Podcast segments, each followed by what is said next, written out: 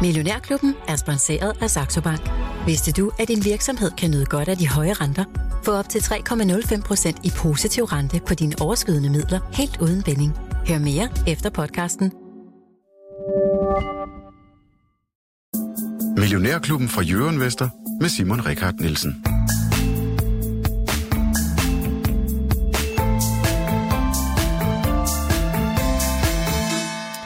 Godmorgen og velkommen til Millionærklubben fra Jørgen Vester. I dag der sender vi sådan en, en helt kaskade af mulige potentielle aktieguldfugle til 2023 ud i øh, æderen. Øh, det gør vi, fordi at Jørgen Vester har foretaget sådan en lille øh, rundringning til en række professionelle kapitalforvaltere, investorer, eksperter osv. Og så har vi stillet dem det helt urimelige spørgsmål. Nævn tre aktier, som du forventer har det største potentiale i 2023.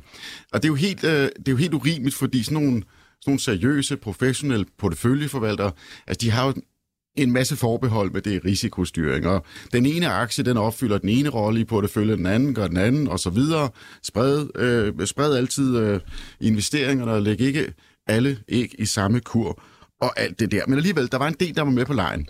Øh, så øh, det vi gør i dag, øh, vi gennemgår alle de her mange bud, og det gør jeg sammen med Michael Fris fra H.C. Andersen Capital. Godmorgen. Godmorgen. Og tak, fordi du vil være med på øh, spøjen her.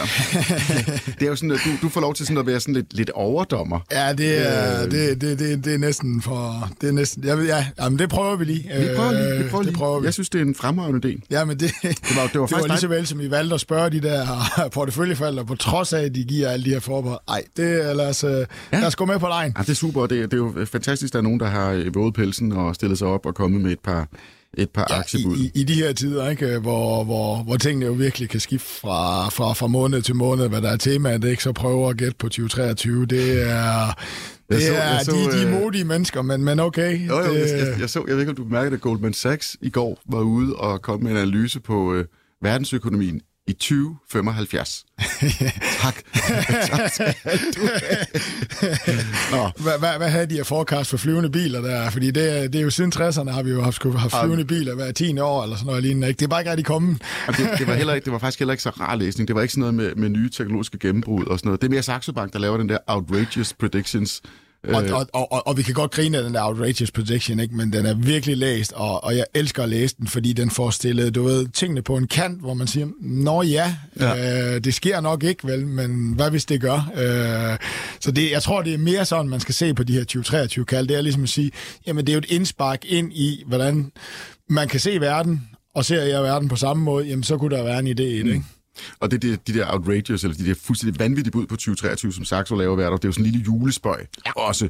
Altså, vi er ude i sådan hale-risikoen. Vi er ude i hale-risikoen. Øh, og, og det, det, desværre, så, du ved, da jeg sidst var sammen med, med, med, med ham, der lavede den, ikke, så spurgte jeg ham, jamen, øh, hvad gør I i år? Over, virkeligheden overgår jo fantasien i år. Ikke? Altså, du ved, de, selv sidste år havde de vel ikke engang kunne finde på at skrive, at Rusland går ind i Ukraine, Ej. eller at, at Kina starter en, ja, det var Kina starter en handelskrig med USA og så videre, men, men altså, Ja, 2022 har virkelig været året, hvor de der outrageous ting, de er desværre blevet uh, sande, ikke? Ja. Og så kan jeg da lige oplyse til lytterne og til redaktionen på Jørgen Vester, at vi lægger de her, øh, øh, de her outrageous predictions fra Saxo Bank, øh, dem lægger vi ud øh, på sitet øh, inden alt for længe. Øh, så har jeg vist ikke lovet for meget. Øh, I øvrigt, vi skal lige til dagens nyheder også, apropos øh, Saxo Bank. De er kommet med en ret stor nyhed her til morgen. De dropper deres børsnotering ned, øh, det, deres plan var jo, som de meldte ud i løbet af, jeg tror det var september, yeah. at, øh, at de havde til hensigt at gå på børsen via det, man kalder en SPAC, en eller anden form for børsskal, nede i øh, Amsterdam. Øh, men den er altså droppet. Og så sagde du, Michael, inden vi gik i studiet, jamen det følger jo egentlig den tendens, som vi ser i USA med de her SPAC. Ja. Skulle vi starte med, at du sætter et par ord på, på lige det, der sker der? Jamen, tendensen derovre, det er, at, at, at, at, at mange af de her SPAC, som jo er sådan en, en tom skal, hvor jeg har indbetalt 10 dollar, øh, og så går det her skal ud og finder et eller andet selskab at købe, ikke? Øh, øh, Jamen, de, de ophører nu. Folk får, får betalt deres penge tilbage, de her 10 dollar. Ikke? Desværre er der jo nogen, der har givet 13 dollar, fordi de var jo sat med gode til at købe selskaber, det her, de her, der stadig stod i spidsen for den her spag. Ikke? Men mange har jo kun givet 10 dollar. Mange af dem her bliver opløst lige nu, øh, og det gør de markedsforholdene, som, som Saxo selv beskriver, ikke? det er ikke det bedste markedsforhold at putte tingene på markedet lige nu. Øh, der er stadigvæk pres, fordi meget af det her, det er jo teknologivækst, man, man, man, man, man køber ind der. Den anden årsag er, at når man putter 10 dollars i en spæk, så tænker man bare, så har man, så har man overladt alt magten til dem. Det har man slet ikke. Indtil den sidste generalforsamling, hvor man godkender det her køb til en eller anden pris af et eller andet selskab, der kan jeg som, som spæk-aktionær, altså mig, der har givet 10 dollar for den her, der kan jeg bare bede om at få de her penge tilbage transaktionen bliver stadigvæk gennemført, fordi der er nogen sådan, der hedder kerneinvestorer, det amerikanske udtryk kan jeg ikke lige huske her til morgen, jeg er træt. Du ved, de skal faktisk gennemføre den. Lige pludselig så står de jo med totalt underfinansieret selskab, fordi jeg siger bare, no way, ikke under de her markedsvilkår. Jeg trækker mine 10 dollar tilbage, mig, du ved, der har givet, givet den det her. Og lige pludselig så står selskabet på børsen. Det er blevet børsnoteret til en pris, men det er blevet underfinansieret ofte i de her vækstselskaber, som jo skal bruge penge i den første periode, ikke? Og, og, og kommer dermed allerede under pres fra start af.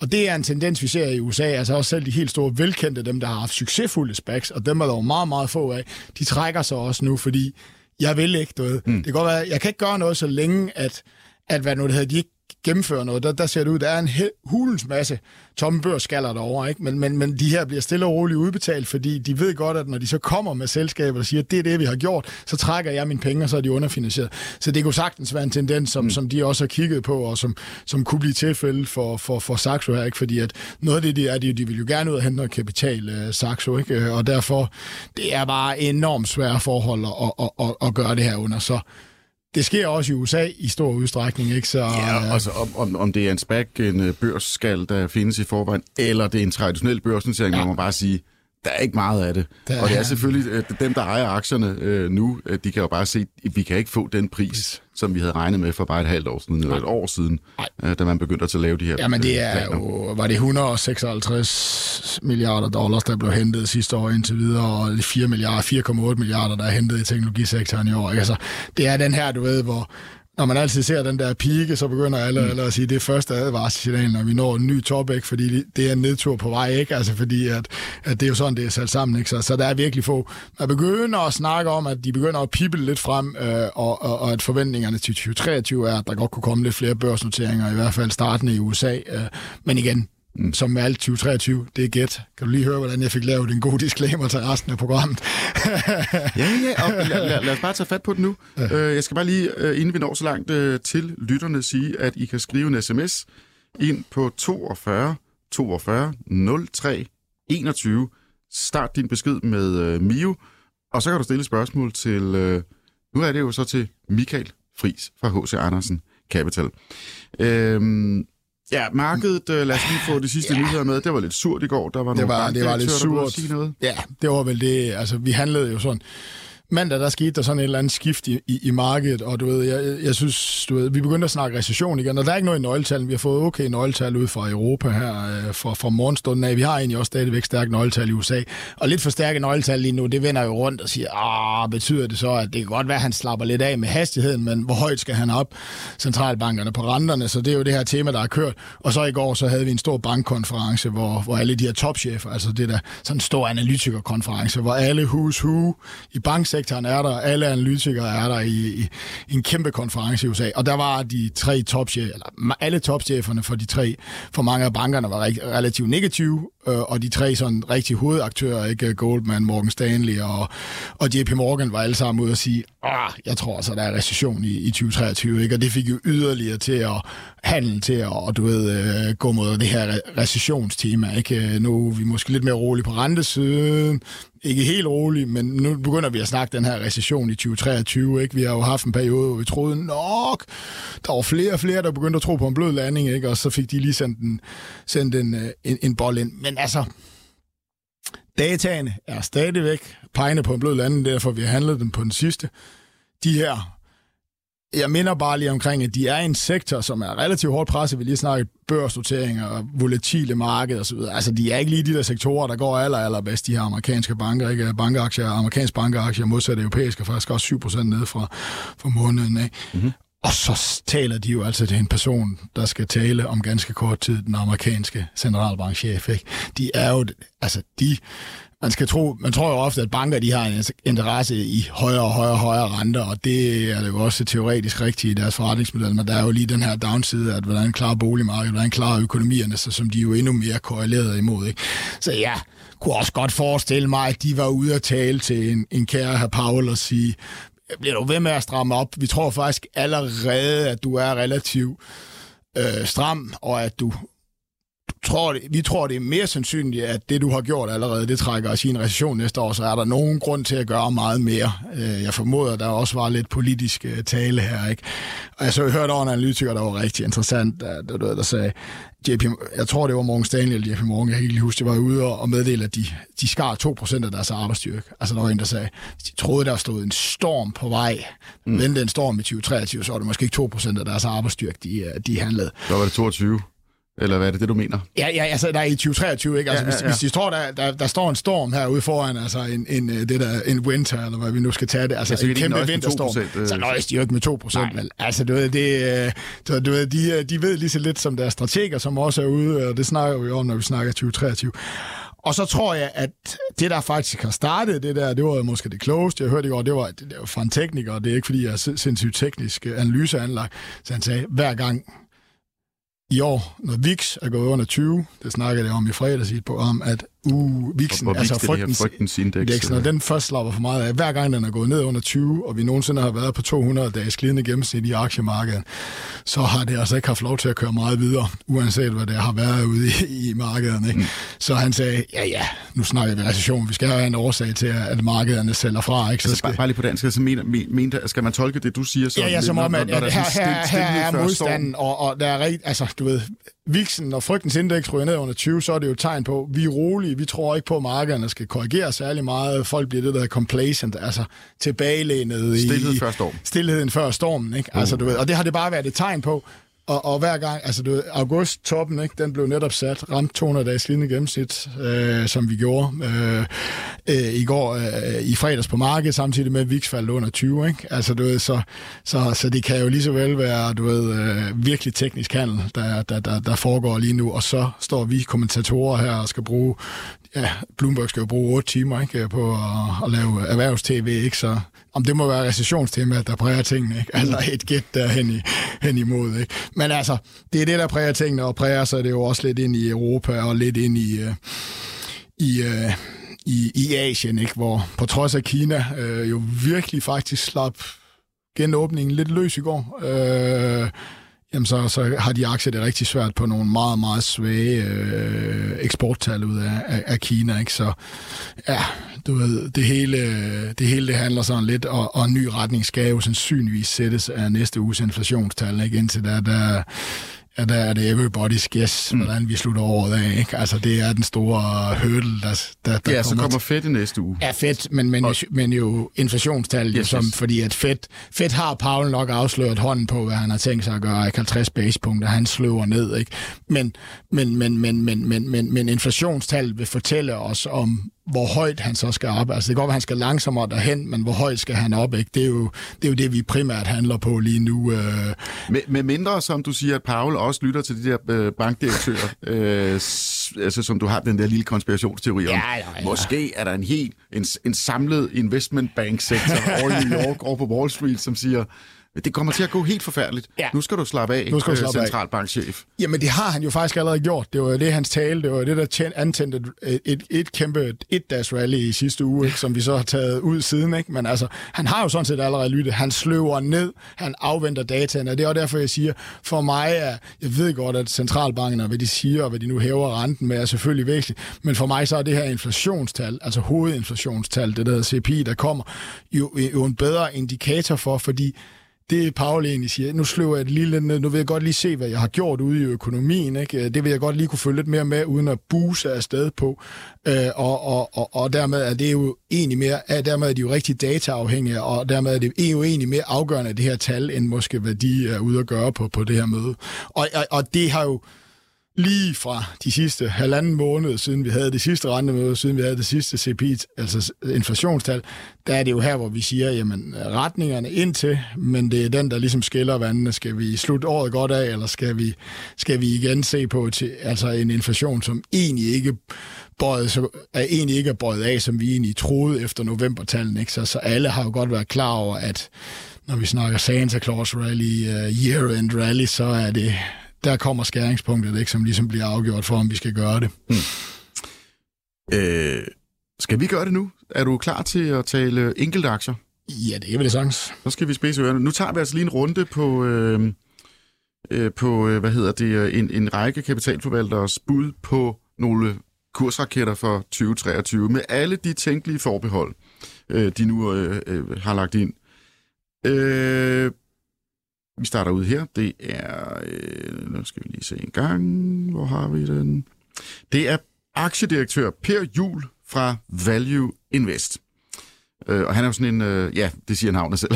Ja, ja. han er en klassisk value investor, ikke? Ja, prøv nu, prøv nu, prøv nu lige til vi kommer til hans tips. Nej. ja, ja, nu, får, nu, får vi se, nu får vi se, hvad du siger til det. Okay. Øh, den første aktie, øh, som er nævnt her i, på, på Euroinvestor, det er Bavarian Nordic. Ja. Og øh, Per Juhl, han taler om, at øh, potentialet i det her C25-selskab, øh, det har noget at gøre med, at den amerikanske regering har et ønske om et langt større beredskab mod kopper. Øh, så siger han dog også, Per Juhl, der er en vis risiko for, at den amerikanske regering alligevel ikke ønsker det, det store beredskab, som de tidligere har signaleret. Men med de seneste begivenheder omkring abekopper er det nok mindre sandsynligt. Derudover er der risiko for, at programmerne under, under udvikling øh, RS-vaccinen og corona, måske ikke bliver til færdige produkter, lyder det fra aktiedirektøren. Altså, ja, en masse forbehold. Men det er en af de tre aktier, som, som øh, den gode Per Jul, han nævner her. Og så kan vi diskutere value. ja, ja. Nej, men altså, du ved, øh, det er lidt fejl, du starter med, fordi hvis man har lyttet til Millionærklubben, eller følger min uh, Millionærklubben portefølje, så ved man jo godt, at, at det, det, er jo, det er jo en af mine, der hvor jeg virkelig har, har, har, har har gearet op her på det seneste. Ikke? Altså, du ved, jeg ser også en, en, en 2023 står. Jeg ved ikke lige om, altså det er de her argumenter, han bruger. Altså du ved, min argumentation, det er den her prissætning i forhold til, hvor meget de egentlig kommer til at tjene i 2023. Nej, vi har ikke den her æbekopper øh, krise, men, men, men du ved, 60 procent af fabrikken er nok solgt. Hvad kommer det til? Altså er, er produktionen solgt? Jeg tror sådan set, at vi kommer til at bygge beredskaber op øh, og så videre. Og så tror jeg faktisk også, at deres rejsevaccineforretning kommer til at give et rimeligt boost, så de kommer til at tjene rigtig, rigtig mange penge næste år. Og i forhold til den værdiansættelse, der er, i forhold til det, det kan ændre et biotech-selskab, det er min case nummer et. Og så icing on the cake er selvfølgelig coronamulighederne og RSV-mulighederne, som, mm. som, som er som er lidt, selvfølgelig, det er risikabelt, og det er derfor, han som value investor jo siger det her, men, men det ligger på toppen af det der, men du ved, selv uden det kan jeg godt regne den hjem, øh, du ved, øh, i, i, i, min optik, ikke? Så, så jeg får noget fri option, og det er jo det, jeg nogle gange godt kan lide i biotech-selskab. Så lige den der, der tænker jeg, at det vil være meget forkert af mig at stå og skyde den ned med, med, med, med det, jeg selv ligger med, og øh, det, ja, man kan bare åbne. Du, du må godt være enig. Ja, ja, ja, og det er jeg jo også. Ja, ja, men det, ja, ja, du ved, jeg skal nok lege devil's advocate, hvor jeg kan, men, men her der bliver det svært. Ikke? Det er min ja. største position i millionærklubben på det følge. Ikke, at det har været nogen god idé, men her at tage det her sats ind slut på året. Men her der, jeg kan ikke, der, der er svært ved at, at lade som om, at jeg er uenig. Okay, vi kører videre med uh, Per Jules uh, aktieraketter til 2023 fra uh, Euroinvestor. Den næste aktie, det er nemlig GN Store Nord. Mm. Og der må man jo også sige, at 2022 har budt på noget turbulens. Den er faldet med mere end 50 procent. Øh, og, øh, og, det, og det er en af forklaringerne, som, som Per Juhl også er inde for, det er, at fordi selskabet for lånte penge har købt gamer headset-selskabet SteelSeries til en pris, som du synes er ved at for høj. Øh, det er så alle forbeholdene her. Ja. Og de bliver ramt dobbelt, der er stigende rente, renteomkostninger og så videre. Ja. Så siger Per Juhl, men GE G, undskyld, GN Store Nord er en virksomhed med høj vækst og sund indtjening. Ganske vist lyder en PE på 24 måske ikke billig, men det er i forhold til 2022-indtjeningen, der forventes at blive det halve af sidste år. Kommer GN tilbage på sidste års niveau i løbet af et par år, som det forventes af aktieanalytikerne, så svarer den nuværende kurs altså blot til en PE på 12. Og det er meget lavt for en lønsom vækstvirksomhed. Det var altså ordene fra Per Jul. Ja.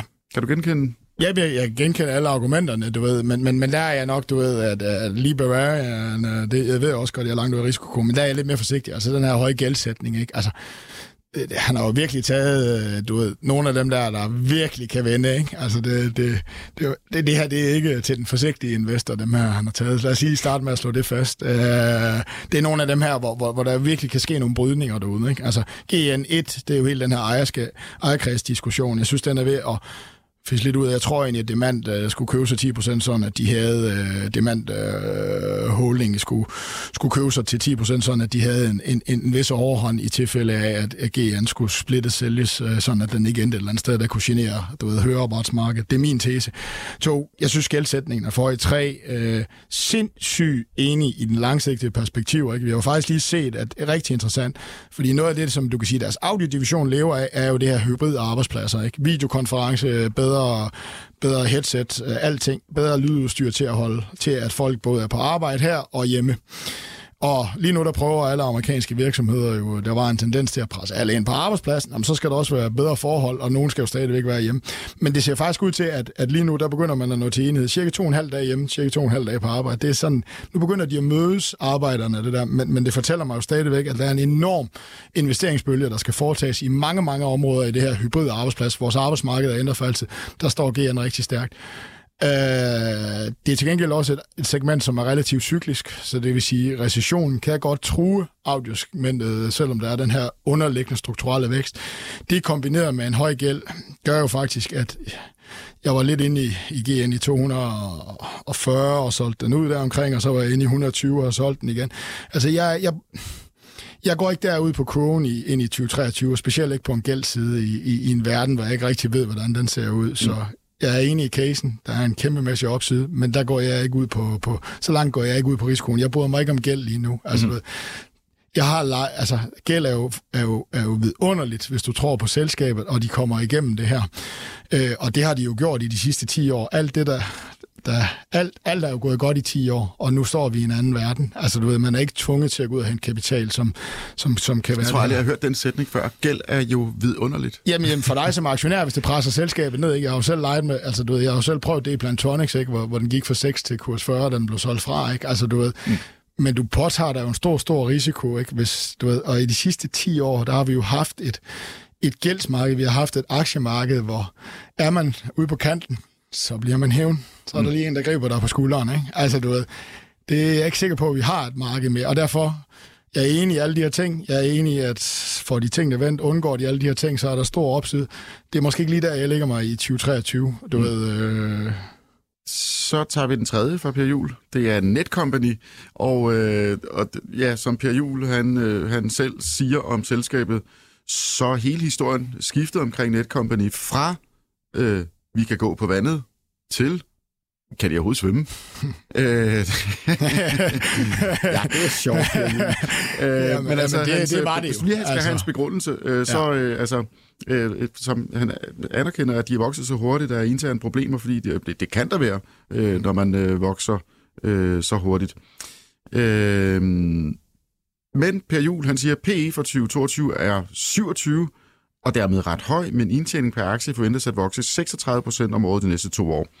Kan de realisere det, og efterfølgende vokse omtrent på halv kraft af det historiske, så er aktien i mine øjne mere end pengene værd. Ja, altså problemet med, med, med den her fra 2023, det er jo, at, at, at, at, at, at den at, at tingene er vendt rundt, og vi har fået stabiliseret tingene. Ikke? Altså, du ved, vi er gået fra at kan gå på vandet, til man kan ikke svømme, til at, nå ja, man kan jo godt svømme, ikke? men hvor hurtigt kan man svømme? Ikke? Altså, det er der, hvor vi står lige nu, ikke? I, i vækstretterne. Så derfor er den jo blevet en enorm renteafhængig. Altså, du ved, for mig er det jo en anden, år, anden halvårs historie. Du ved, altså, du ved, den, vi ser jo selv, hvordan at, at, at renten og de her ting, du ved, det ligesom er den styrende faktor. Ikke? Øh, hvornår fedt tipper rundt, og renterne begynder at toppe ud og komme ned af igen, vil være en enorm vigtig faktor prissætningen i den her aktie er stadigvæk høj for en konsulent, ikke? Øh, fordi der, de har de her høje vækstrater, og derfor er, de, derfor er renteudviklingen egentlig afgørende. Ikke? Altså, du ved. Så for mig øh, er det ikke så meget en 2023-historie, men, men sådan en af dem, man måske kunne begynde at kigge på ind i, uh, ind i foråret 2023 og se, om, om, om de stadigvæk leverer og har vendt tingene rundt. Ikke? Altså, mm. du ved, det er sådan en, jeg vil lægge på listen til at sige, hvis verden bliver, som jeg tror op i mit hoved, at vi har et første halvår, der er under pres på den økonomiske udvikling, og så dermed når vi rentetoppen, og at du ved, vækst eller den type prissatte aktie kunne måske blive lidt mere interessant i anden halvår. Det er jo ikke sikkert, at det går sådan. Så er det nok sådan, at jeg vil tage den aktie. Ja. Og så får jeg jo lige, så får jeg jo fordelen af, det kan godt være en smutter fremmer, men jeg får jo fordelen af lige at se på regnskaber mere. Altså, de har haft et regnskab, der vendte tingene rundt, ikke? Du, hvis, jeg, hvis jeg nu vælger den strategi i den aktie, ikke? Øh, jamen, så får jeg jo muligheden for lige at se på regnskaber mere og se, at det, det, det går bedre, øh, fordi at jeg tror, det er sådan. Så det, det, det, er, sådan, det er lige mine øh, hovedtanker omkring det, men, men, men sådan helt underliggende, de har lavet nogle opkøb, som skjuler eller som har forvansket de her resultater for dem, ikke? og det bliver bedre, det er sådan rent strukturelt. Og to, jamen altså, du ved, offentlige IT-investeringer i, i Europa over de kommende år, de skal jo op. Så du ved, strukturelt ligger den stadigvæk med en god understøttelse nede under sig. Super. Øh, forløbig tak, Michael. Øh, jeg har lige en... Jeg får lige en til at hjælpe mig med at lægge øh, den her artikel, fra, øh, som Universe har lavet til på Vi lægger den ind i kommentarsporet, øh, bare til alle jer, der ser med live på øh, Facebook. Øh, jeg håber, der er en kollega, der kan hjælpe mig med at øh, lægge et link ind altså til øh, Per Jules omtale af de her tre aktier.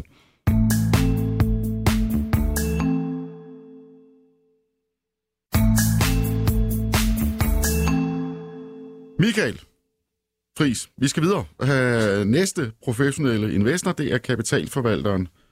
Nu skal jeg lige finde den vand rigtigt. Det er MV Compounder, som jo også er sådan en øh, relativt nystartet, meget lille øh, helt uafhængige kapitalforvaltere. Øh, det er to øh, gutter, øh, som har lavet den. Og øh, skal jeg simpelthen lige finde, om jeg kan finde den rigtigt. Ja, de er jo rigtig, jo rigtig fokus på kapitalallokering, så, så du ved, øh, det er jo noget, jeg nikker ja, altså kom, kom, til. compounding, det er jo effekt, det er jo den ja, her det er jo øh, rentes rente, rentes renteeffekt, men yes. Nysvel, det er jo det med her med at finde de her selskaber, som, som vokser. Øh, ikke nødvendigvis kigge så meget på, om prissætning nu er lav, men, men, men, men vokser og godt gør deres. Og bruger pengene de rigtige steder. Altså mm. når de investerer over de sidste 20 år, har de så altid brugt penge på den rigtige måde. De udbetaler dem til os aktionærer. Hvis de ikke har noget at lave dem til, har de fået allokeret de steder hen, hvor der er højst vækst. Ikke? Yes. Den første selskab, som øh, det er Dan Weise fra MB Compounders, han nævner et amerikansk sundhedsforsikringsselskab, som hedder Sinja. Mm. Jeg ved ikke, om det overhovedet siger der noget. Jo, jo, jo, jo. Det er jo, det er, de, det er de der store sundhedsforsikringsselskaber. Ja. Jamen altså, du ved... Det... Vil, vil du lige høre begrundelsen? Ja. Øh, det er på mange måder et meget stabilt selskab, fordi man vil blive ved med at efterspørge sundhed og købe medicin. Hvis 2023 bliver et regnværsår, så vil den forhåbentlig vise gode defensive karakteristika. Ja. Og så er den også altså, positive parametre, attraktive på flere måder osv. Det er alle de her multipler, mm. øh, som, øh, som øh, professionelle og du også selvfølgelig sidder og kigger på. Hvad siger du? Jamen, jamen, jamen øh, enig. Altså, du ved, jeg, jeg, jeg, jeg synes, man skal kigge på sådan nogle aktier her, ikke? Altså, du ved, man skal have lidt af det hele, ikke? Altså, du ved, du, altså, du, du, du skal have det der all-weather, altså en al, alt vejr portefølje, du ved. Jeg er også meget spredt, ikke? Altså, du ved, og, og, og, og, og, og Signer, den amerikanske, altså de her sundhedsforsinkede aktier, har jo bare været langsigtede compounder, ikke? Altså du ved, det er jo den måde, det amerikanske system er bygget op på, ikke? Har også kørt nogenlunde i år. Øh, Øh, men er selvfølgelig altid, der er en eller anden regulatorisk risiko, som, som man skal være lidt ekspert på, og der er det jo også derfor, at jeg skal ikke stå her og sige, at de sidder jo og følger den her sektor meget tættere, end, end jeg gør, men, men, men som en defensiv investering har de jo som regel altid vist sig at være ret godt øh, til stede, ikke? og det er jo det her med det her massive cashflow, de her selskaber laver, og, og deres kapitalallokering er jo meget aktietilbagekøb, så, så som sådan... Øh, et, et sted, jeg aldrig lige rigtig har lagt øh, selv. Øh, Men det er jo også fordi, du, du, lad os bare sige det, du er sådan meget vækstorienteret. Ja, du kan mere, godt mere, mere vækstorienteret. Nej, jeg er blevet lidt mere blandet, ikke? okay, du, jeg, jeg, jeg, jeg, kan, erfaring. Ja, nå, ja, nej, men du ved, jeg, jeg tror nu også, at, at value ikke er nogen nødvendigvis dårlige ting at ligge i de, mm. i de kommende år, hvis man kan finde gode selskaber der. Så, så lidt mere en blanding. En, en lidt mere blandet portefølje er jeg nok gået over i, ikke? Altså, der er sket det der seismisk skift. Så du ved, jeg har ikke lige sådan en sindssyg holdning derinde, men, men, men jeg synes, det er fornuftigt at lægge sig der i, i den lidt defensive, øh, ja. i den, at man også har noget defensivt. Ikke? Og du, der... du får, så får du en mere. Ja. Øh, igen øh, fra Dan Weisse fra MV Compounders. Lancashire. Øh, den anden aktie, øh, som han anbefaler, mm øh, eller ikke anbefaler. Han er i hvert fald en, som de har selv og tror vil, øh, vil, vil, vil klare sig godt. Nu har jeg jo stået i Aktie Grand Prix med ham, så du, derfor kender ah. jeg faktisk argumenterne for Lancaster, for ellers så tænker man, hvor fanden ved han alt det her for? Nej. Joke. Det er et genforsikringsselskab. Ja, øh, ja, og øh, så er forklaringen her, jeg tager lige et citat her, Naturkatastrofers hyppighed har ikke noget med økonomien at gøre. Så igen er det et selskab, der ikke er konjunkturfølsomt. Mm. Det betyder mere for dem, hvor mange naturkatastrofer der kommer, og hvor store de bliver, siger Dan Beise. Ja, og så, og så er der et tredje punkt, hvorfor de også ejer den. Øh, du, ja. Nu kan du godt høre, at nu er det ikke med i artiklen. Det er jo, at, at han siger, at, at, du ved, at når renten kommer op her, du ved, mig som stort pensionsselskab har jo placeret penge i, i, i genforsikringer, ikke? fordi jeg skulle have noget afkast. Mm. Altså, lige, lad os lige starte Adam med. Hvad er et genforsikringsselskab? det er almindelig brand. Øh, de kan maksimalt tabe 100 millioner, når vi får den næste, du ved, Nora, eller hvad den hedder, den der storm, ikke? fordi de har genforsikret alt, hvad der ligger over det der. Det vil sige, de har været ude at sige, du ved, den næste øh, kæmpe orkan, vi har i Danmark, ikke, så taber vi 100 millioner. Alt over det, det dækker det her genforsikringsselskab. Mm. Så det her, det skal jo ind Så det er altså et forsikringsselskab for, for forsikring. forsikringsselskaberne? Ja. Øh, hvem er forsikringsselskabet for det forsikringsselskab, Men, som forsikringsselskaberne forsikrer sig i? Der ligger jo så, så, der, ligger, ja, der ligger jo så, der, der ligger eventuelt pensionskasser, eller der ligger større banker, eller der ligger større investorer inde bagved, som så smider pengene ind, der ligesom Øh, den kapital, der skal stå som, som, som sikkerhed for det, og så får de jo så en eller anden forretning på det, fordi almindelig brand er det jo en rigtig god idé, ikke? Altså, du ved, de tipper ikke rundt, og vi skal diskutere, om de står efter sådan en, en, en decemberstorm, og for investoren, der kræver de selvfølgelig lidt. Problemet har været her, hvorfor folk ikke har kunne lide den her sektor, det er jo været, jeg kan jo godt læse, naturkatastroferne, de bliver bare større, større, større, større, større. Er det så særlig interessant at være genforsikringsselskab, der skal dække folks øh, naturkatastrofer, vel? Og det er jo derfor, at deres resultater har været mere svingende. Øh, og her er det, man siger, jamen, det, det, hvis deres risikomodeller kan prissætte det her rigtigt, jamen så får de det rigtige afkast. Men kan man prissætte, øh, hvad der sker med naturkatastrofer de kommende år? Muligvis. Det er et. To, øh, det er jo rigtig kompliceret, det her.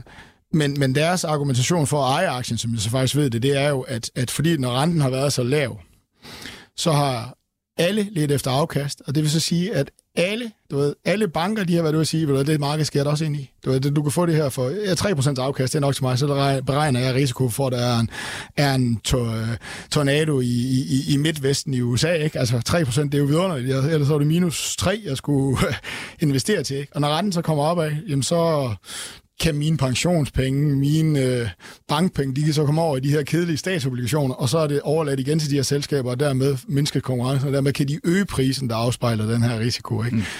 Godt høre. Vi er lidt over i den defensive, men vi er også lidt over i en virkelig kompliceret, for, eller en simpel forretningsmodel, der er ultra kompliceret at vurdere, om det regner rigtigt. Den er altså på en rigtig måde. Den er svær at eksekvere på den rigtige måde. Det er meget kompliceret matematik. Det er meget kompliceret matematik, så, så, så, så selvfølgelig, de har forståelsen, de har forståelsen af konkurrencen, de tror, at de regner rigtigt, de tror, at konkurrencen bliver mindre, ikke? Men, mm. men du kan godt høre, at han har ikke valgt at, du ved, de store navne, der hvor man sådan, som privatinvestor lige skal have ro i maven. Nå ja, den kender jeg godt, det tænker jeg, det er en, det er en sjov case, ikke? Så du ved, jeg, jeg, jeg tør ikke, du ved, jeg stod, han, han, han havde det med i et aktie Prix, hvor jeg så stod der, hvor vi også stod og skulle kommentere lidt på hinanden og skubbe lidt til hinanden. Jeg køber hans teser, du ved, jeg tør bare ikke, fordi at jeg, jeg, ikke, du ved, jeg kan godt lige måske være sådan helt tryg ved den der forretningsmodel. Altså så tryg, som jeg nu kan blive, ikke? Altså, du ved, og den er jeg måske ikke nok ikke klog nok på. Mm. Men altså, altså forsikring, det er jo sådan sjovt, det er jo en sjov sektor, fordi altså, jeg ved også godt, Warren Buffett øh, er jo også stor inde på forsikring. Det er jo ja. ligesom, det, der ligesom startede det hele nærmest. Øh, det hvis, man går ind, hvis man går ind på Berkshire Hathaway, så kommer du ind på den her Geico, Geico. Øh, som, som er et forsikringsselskab, Jamen, øh, som bare hans eget. Ikke? Forsikringsaktier tror jeg sådan set er, er ret gode at lægge Men det er bare sjovt med den sektor, fordi det, jeg tror, alle, alle private investorer, som, som giver sig i kast med aktier, det første, man tænker på, det er jo, gud hjælp mig ikke. Uh, forsikring. Det er spændende. Nej, det er det ikke. Altså. Ja, om forsikring, det er, altså et forsikringsselskab hjemme i Danmark, det er at de tager nogle penge, og så skal de sørge for at udbetale sådan en rimelig andel, og sørge for, at der er nogenlunde styr over det, og så skal de jo forrente dem. Hmm mens de står der. Det er jo, ja. det er jo, det er jo en simpel forretningsmodel. Og vi, vi, vi er jo alle sammen tvunget til at have deres Vi produkter. er tvunget til at have dem. Øh, der er relativt lav konkurrence i visse øh, regioner af verden, a.k.a. Norden. Øh, du ved, så, mm. så du ved, og de er relativt defensive. Du skal have dine forsikringer. Du, ved, du, du har måske ikke lige købt den dyreste bil, når der er recession, så du skal have en lidt billigere forsikring. Mm. Men de er relativt recessions Øh, Men så kan man sige, at med medicinalfirmaen, der, der, det er også defensivt. Der det er, er også, også tvunget til, hvis du, hvis du har diabetes, så skal du selvfølgelig skal du være også... kunde hos Novo Nordisk, ja. eller hvem der nu laver det, ja. og så videre. Men det er sådan, så er der lige det der element af, at Novo Nordisk kan lave en bedre forskning end konkurrenterne, og så kan ja. du få en upside, eller ja. de kan øh, optimere, og hvad ved jeg. Øh, forsikring, det er bare sådan en Det ligger jo så også i forsikringsselskabernes prissætning versus uh, de ah, andre. Der nærmer vi os noget. der, der er jo en af forklaringerne. Jamen, du har ret. Hård konkurrence, det er jo det, der er alt ødelæggende for dem. Fordi det er jo bare en negativ spiral, fordi jeg skal have en forsikring et eller andet sted. Hvis de alle sammen begynder at konkurrere, fedt for mig. Men mm der er ingen ekstra indtjening, fordi det er, det er altså som at i bukserne. Du vinder kunderne det ene år og taber den det næste, ikke? Og, og det er bare til lavere priser. Ikke? Øh, så er der jo det her inflationære pres ind. Ikke? Altså, du ved, øh, det at få repareret min bil er blevet 30% dyrere, og det, dermed er det jo også, kan de få hævet priserne. Men, men, det, men altså sådan i en regnværsportefølje, i forhold til, hvordan de danske forsikringsselskaber er prissat, øh, og i forhold til deres udmeldinger der, der er det absolut sandsynligvis ikke et skidt sted at kigge hen i, i, i 2023, men det var de danske forsikringsselskaber. Nu snakkede vi her om igen forsikringsselskaber, det er jo sådan lidt et andet dyr. Også en defensiv forretningsmodel, ikke? Øh, ud fra en betragtning af, at det skal alle jo også have, mm. genforsikring af de her ting. Ikke? Øh, men det er virkelig den der risikostyringsmodel der, du ved, som, jeg, som man skal have en eller anden fornemmelse af at sige, jeg sidder bare med den her fornemmelse. Jeg, jeg kan meget vel tage fejl, at du ved, vi, vi kan ikke styre den her verden. Naturkatastroferne bliver større og større og større, og de bliver mere og mere, og de bliver mere og mere hyppige. Kan man virkelig få det ind i sin model og få taget den rigtige pris? Det kan man muligvis. Jeg er bare ikke tryg i maven. Altså, du ved... Øh, Godt.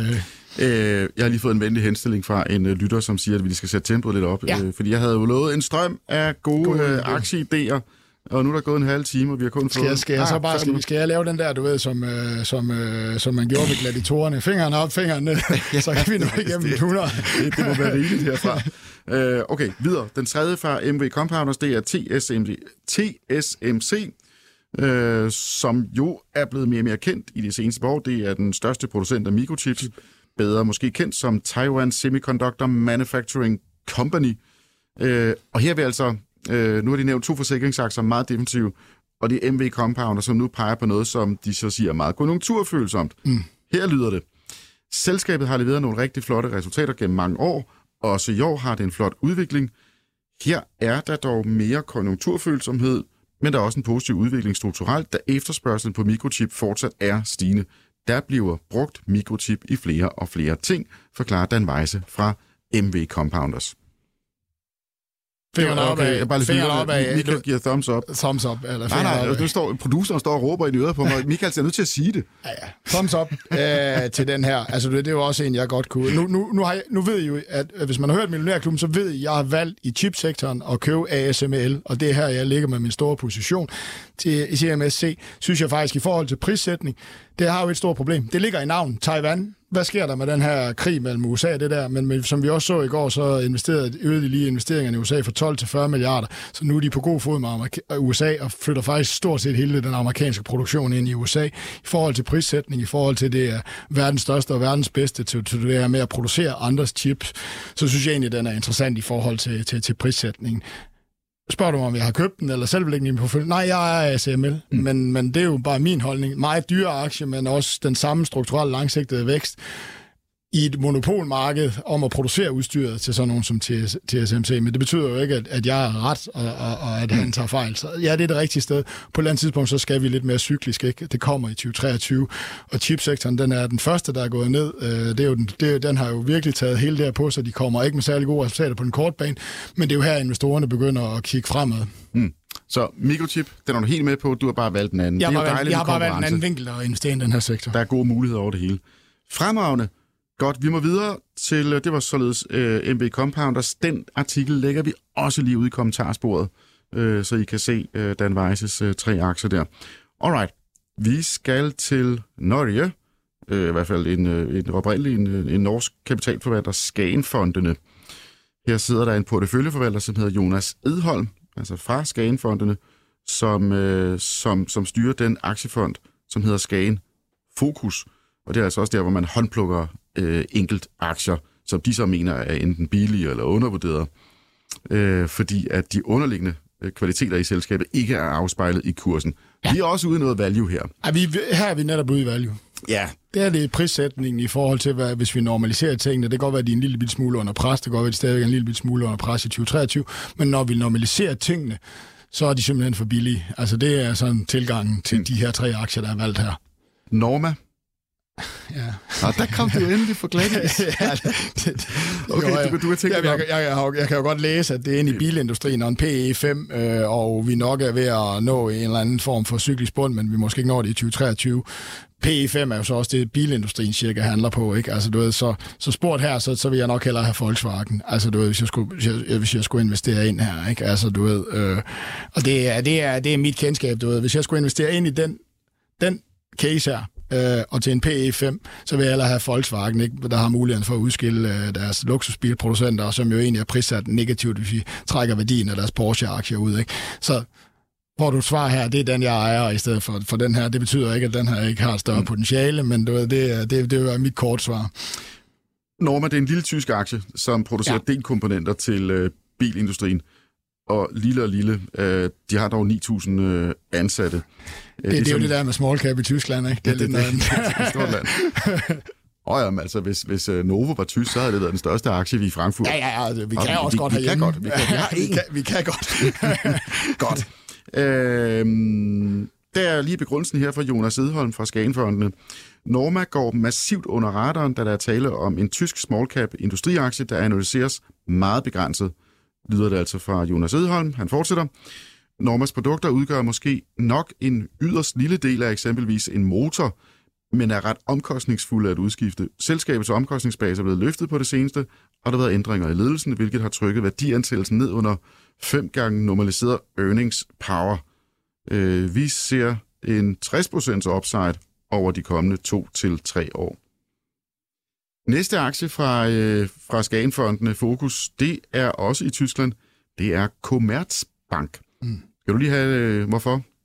Ja, eller, jamen, altså, det, er jo, det er jo en af de mest rentefølsomme. Det er jo nogle af dem her, der har været under pres, ikke? Altså, du ved, i deres forretningsmodel, ikke? Så, så det er jo de sine kortfristede renter, der ligesom går ind og siger, hvis jeg skal prøve at pege på en bank i Europa, der er godt af det, ikke? Øh, samtidig med, at man er prissat til en meget, meget lav øh, værdisættelse af sin, af sin aktiver, ikke? Altså sin, øh, sin indre værdi, ikke? Øh, øh, jeg har altid, så ved, nu vælger han lige Tyskland, altså du ved, jeg ejer tyske aktier, ikke? men jeg har sådan også sådan lidt med corporate governance dernede, altså du ved, det, jeg synes ikke, de, de, er ikke, de er ikke de hurtigste, det er, ikke, det, det er ikke den hurtigste knaller på havnen, tyske selskaber vel til at lave om, når noget går galt, eller du ved, en topchef, der har fejlet, ikke? så får han lige syv år mere for at se, om han ikke kan, kan, kan, kan, kan vende skuden rundt. Ikke? Altså, du ved, vi skal jo ikke træffe hurtige beslutninger. Ikke? Den her corporate governance i tyske aktier, ikke? Altså, du ved, øh, øh, så jeg, jeg forstår tesen. Øh, får vi stigende kortfristede renter ind i Europa?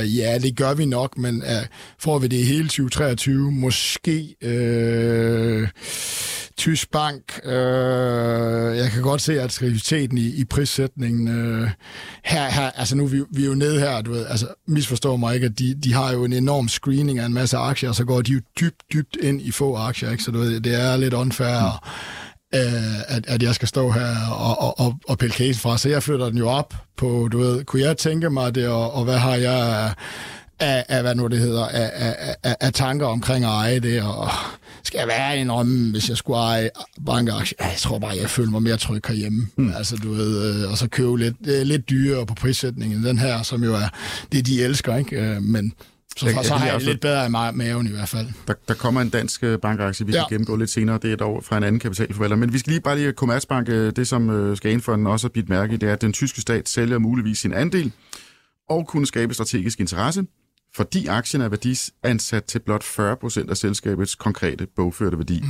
Øh, altså det er den her, vi kalder kurs, ja, 0,4 price book, ikke, hvor amerikanske hvor, handler omkring 1, og du ved... Og Danske, Danske Bank 0, ligger på 0,6 0, 0, den er stedet lidt, ikke? Og Danske Bank-aktie ligger vel der omkring 0,8 til mm. 0,7 til 0,7. Og bare lige for at slå fast, det er, når vi taler kurs værdi, så er det altså den pris, som investorerne skal betale for at få adgang til 1 krone af egenkapitalen. egenkapitalen. Så når vi taler øh, en kurs værdi på 0,5, øh, så skal du bare op med 50 øre så får du ja. fat i en, i en krones ejerskab af hvis du, bare, hvis du bare kunne lukke banken og tage, hæve alle lån, jamen, så har du tjent 50 Ja, fordi i en bank, af, der er egenkapital. Det, det, kan man regne med. Det egenkapital, det er penge. Det er penge. Det er ikke det er, goodwill og patenter og det er deres, øh, det, er jo, det er jo det, de skal tjene penge på. Det er deres egenkapital. Hvordan skal de forrente den? Ikke? Det er price book, som vi altid siger. Lad nu være med at kigge for meget på det nøgletal. Ikke? Mm. Altså, men, men, men når du siger på, det er det, du skal kigge på. 0,4? Uha, det er billigt. Jamen altså, du ved, du har jo også den her præmie sandsynligt for, at der er en tysk regering, der går ind og siger, hvad nu hvis vores tyske, øh, hvad nu, det tyske gasselskab, det er ved at gå ned og hjem, kan I ikke lige låne dem penge, mm. ikke? Altså, og så altså, sagt, og, og, det er jo, altså, og, og, det er jo derfor, de ser en mulighed for, at der sker noget i der, at der kommer andre investorer ind, der sætter pres på den her ledelse, end anden den stat har gjort, og simpelthen for, for nogle af de her værdier ud i lyset, begynder at skille dem ud, og så videre. Ikke? Det er jo det, der ligger i den her case, at det er dejligt at købe en, en, en så billig aktie, hvis der sker en forandring, når der sker et ejerskabsskifte. Yes. Textainer. Har du nogen idé om, hvad jeg taler om?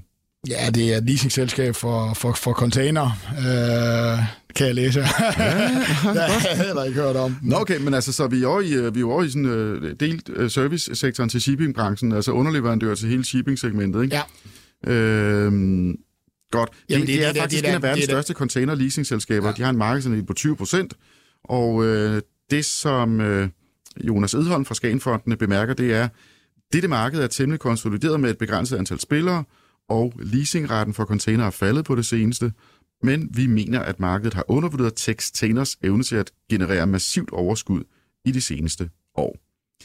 Så det, øh, det lyder lidt som shipping-historie. Det er jo en shipping-historie, og du ved, containerretterne, de har det jo ikke specielt godt lige nu. Det kan man også se i øh, AP Møller-aktien, ikke? Og det, det, det, vil jo også på en eller anden måde gå over i leasingretterne, ikke? Altså den her kæmpe mangelsituation, der har været i, i, i den der, ikke? Så igen her, der sådan lige på mavefornemmelsen, tror jeg heller, jeg vil lege Mærsk, hvis det endelig er den historie, der skal vende. Men det, der kan jo sagtens ligge noget af det her selskab, som er mere roligt, mere stabilt, øh, noget strukturelt, konkurrencemæssigt, som man vurderer, at de kan holde nogle højere priser, selvom containerrederierne ikke kan. Altså, det, det skal jeg ikke kunne stå her og sige. Men sådan lige fornemmelsesmæssigt, så er det der et modigt valg at gå derud, ikke? Fordi der er jo noget, der tyder på, at, at, at du ved, at at, at vi er over den værste af, af den her store mangelsituation på, på containermarkedet. Ikke? Det har så både været skibe, men delvis også lidt container i den her forsyningskæde. Mm. Så det er den her med, at, at markedet, du ved, har så måske været heroppe, da det var allerbedst, og nu er kommet, altså det her pendul, der så har svunget for langt ned, som de så mener, det er ikke, men, men det er meget specifikt, der skal man nok ind og have et ret detaljeret kendskab til virksomheden.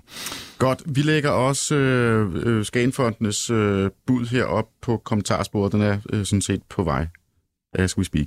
Godt. Lad os komme videre til øh, et andet kapitalforvalter, eller sådan en kendt investor, privat investor, hvad skal vi kalde ham? Han har mange penge. Øh, Jens Løstrup, øh, direktør i Lindeberg Group, hvor han huserer nu. Øh, Jyske Bank, det er en af hans favoritter. Ja. Øh, han øh, mener nemlig, at hvis renten ligger på nuværende niveau, så er det hammerne god forretning. Næste år vil renteniveauet være lidt højere, end det er lige nu, forventer jeg. Så den pengemaskine, der hedder indlånskonti, den vil virkelig accelerere, forklarer altså Jens Løstrup. Mm.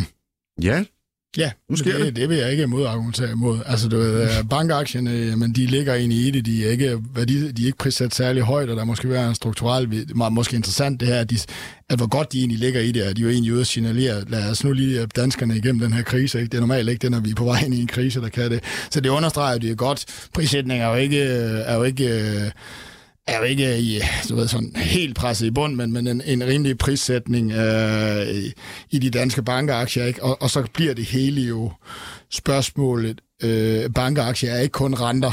Det kan godt være, at han gerne vil gøre dem til det, men, men, men de er jo mere korreleret med, med, med økonomien. Så kommer Europa nogenlunde igennem den her. Bliver krisen noget mindre, end vi gik og troede, og det ser jo sådan ud lige nu, men er jo også blevet priset ind i bankaktierne på det seneste. Mm. Så ikke noget, jeg vil være bange for at ligge med. Det er ikke noget, jeg jagter. Det er Jens Løstrup altså heller ikke. Øh, altså når vi taler kapitalforvalter, som vi taler om i dag, så er det nogle aktier, som de selv ejer i deres fond, eller yes, i privat regi, yes, eller hvordan det nu er.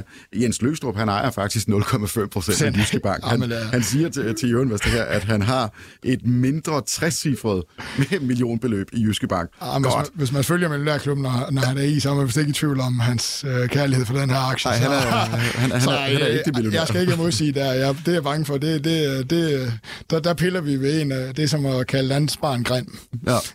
Jamen, når, når Jens er med, så kalder vi det jo mange millionærklubben. Ja. Næste aktie, Norden. Ja. Det er jo sådan, at vi er over i øh, lav her, ikke? Norden og Torm. Skal vi ikke bare slå dem sammen? Jo. Det er også hans næste. Det er de to. Yes, Torm. I gladiatorerne, fingrene opad. Hvor der hvad, skal vi springe de to over, fordi Lav, han kan jo tale herfra til ja, men, aften, øh, selvom for det jul. fingrene opad. Altså, du ved, fingrene ja. Du er på strukturelt, øh, som vi selv siger, I kan selv læse artiklerne, ikke, hvor meget de her gamle skibe, de stiger værdi, hvor en stor kø, der ligger nede ved Tyrkiet på grund af det her russiske oilbane og så videre. Og der kan ikke rigtig produceres nogle nye skibe, ikke? Altså, det er, en, det er en sektor, man altid skal passe på med, fordi når den vender, så vender den, men der er ingen tegn på, at den er ved at vende lige nu. Mm. Og igen, øh, Jens Løstrup, han ejer altså 0,6 procent af alle aktier i øh, Torm. Det kan jeg lige have det med også. Alright.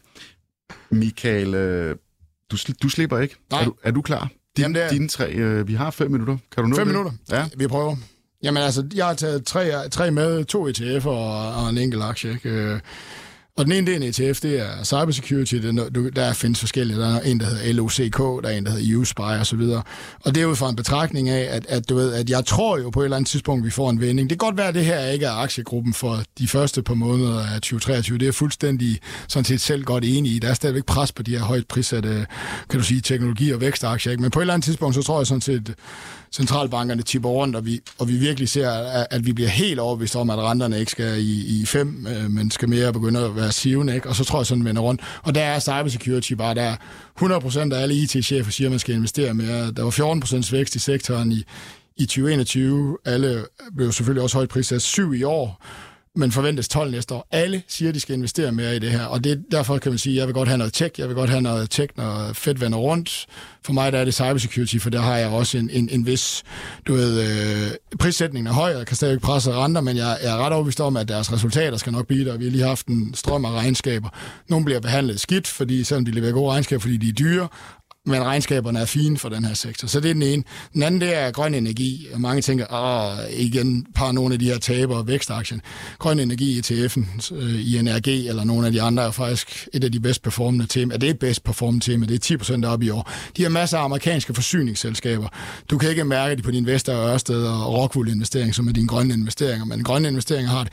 Men her er tesen simpelthen, øh, Næste år, så begynder de jo at tjene penge igen, på grund af det inflationære pres, og ordrene begynder at komme. Altså, du ved, over de næste tre år, hvad der ligger af offentlige infrastrukturinvesteringer, vil være noget af det, der holder hånden under økonomien inden for vores energiforsyning.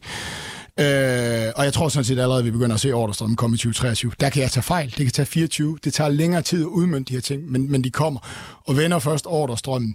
Og du kan sige, at du begynder at kan spejle, at, hvordan de skal komme tilbage på, på gode indtjeningsniveauer næste år og at det er den største, lang, mest langsigtede strukturelle øh, vækst, øh, der sandsynligvis ligger til den her sektor over de næste 10-15 år, jamen så tror jeg sådan set, at den bliver købt også næste år.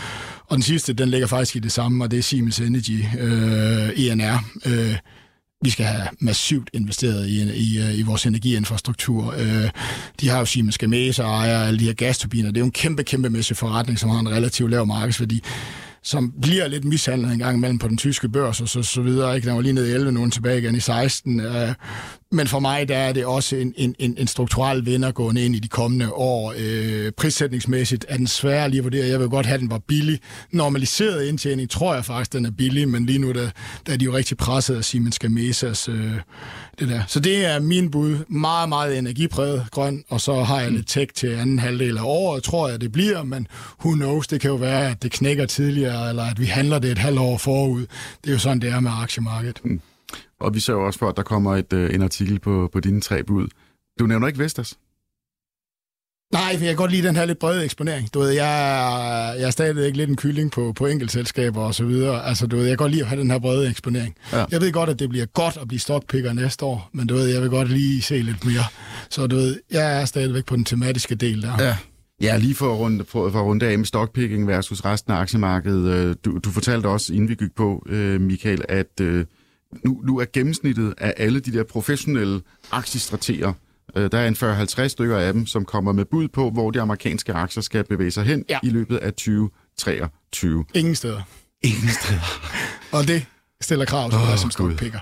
Ja. Så derfor vælger jeg nogle tematiske sektorer. Du ved, jeg har ikke taget en bred ETF. Ikke? Jeg kunne også tage Russell 2000. Jeg tror faktisk, de amerikanske small cap aktier også kommer til at klare sig godt. Og du ved, det er sådan nogle af de der ting, jeg ligger lidt og køber lige nu til min egen portefølje ind i, i, i, i 2023. Men jeg vil gerne jeg, du ved, jeg, det at tage ETF'er med virker lidt modstridende, må jeg sige, at det bliver et stockpicker-år, fordi aktier generelt set kommer sandsynligvis desværre. Ikke fordi de strateger nødvendigvis får ret, men fordi at det nok er sådan prissætningsmæssigt, at det generelle aktiemarked i forhold til det billede, vi kigger ind i næste år, har svært ved at komme nogle steder. Mm. Og det er, jo, det er jo også det, som mange taler om, at altså, når renten den er steget, ja. så så, så, så mister vi den der effekt med, at der ligesom ikke er nogen tyngdekraft. Alle, er, er, ingen tyngdekraft. Alle både kan løftes. Så nu skal du altså gøre det hjemmearbejde. Nu skal du gøre det hjemmearbejde. Du skal lytte til Millionærklubben. Ja. Og tak fordi uh, I alle sammen uh, lytter med. Uh, som sagt, så er det vi uh, Michaels uh, tre uh, potentielle guldfugle ud på, på Euroinvestor her Nå, i løbet af, til at skrive af dagen. Ja, og, så, og, og det har jeg jo ikke fortalt dig inden, Michael. Vi gør jo lidt det snede, at vi kommer efter jer i løbet af året. Øh, så om et år, så tager vi lige en snak her i studiet. Jeg har faktisk ikke set, se, fordi sidste år, der, sagde jeg, der blev jeg spurgt, 50% energi, sagde jeg, 50% kontant gående ind i året. Og jeg ja. har ikke set, at det er blevet... Uh, jeg, jeg gjorde det i min millionærklub portefølje, så... Ja, det, det men, bare på den, den artikel, den vil jeg godt snart have en opfølgning på. tak, tak, det får du. Tak, Michael. Tak, Alex. Og tusind tak til Jørgen Vesters redaktion, som uh, har hjulpet mig her i løbet af den seneste times tid. Ha' en god handelsdag.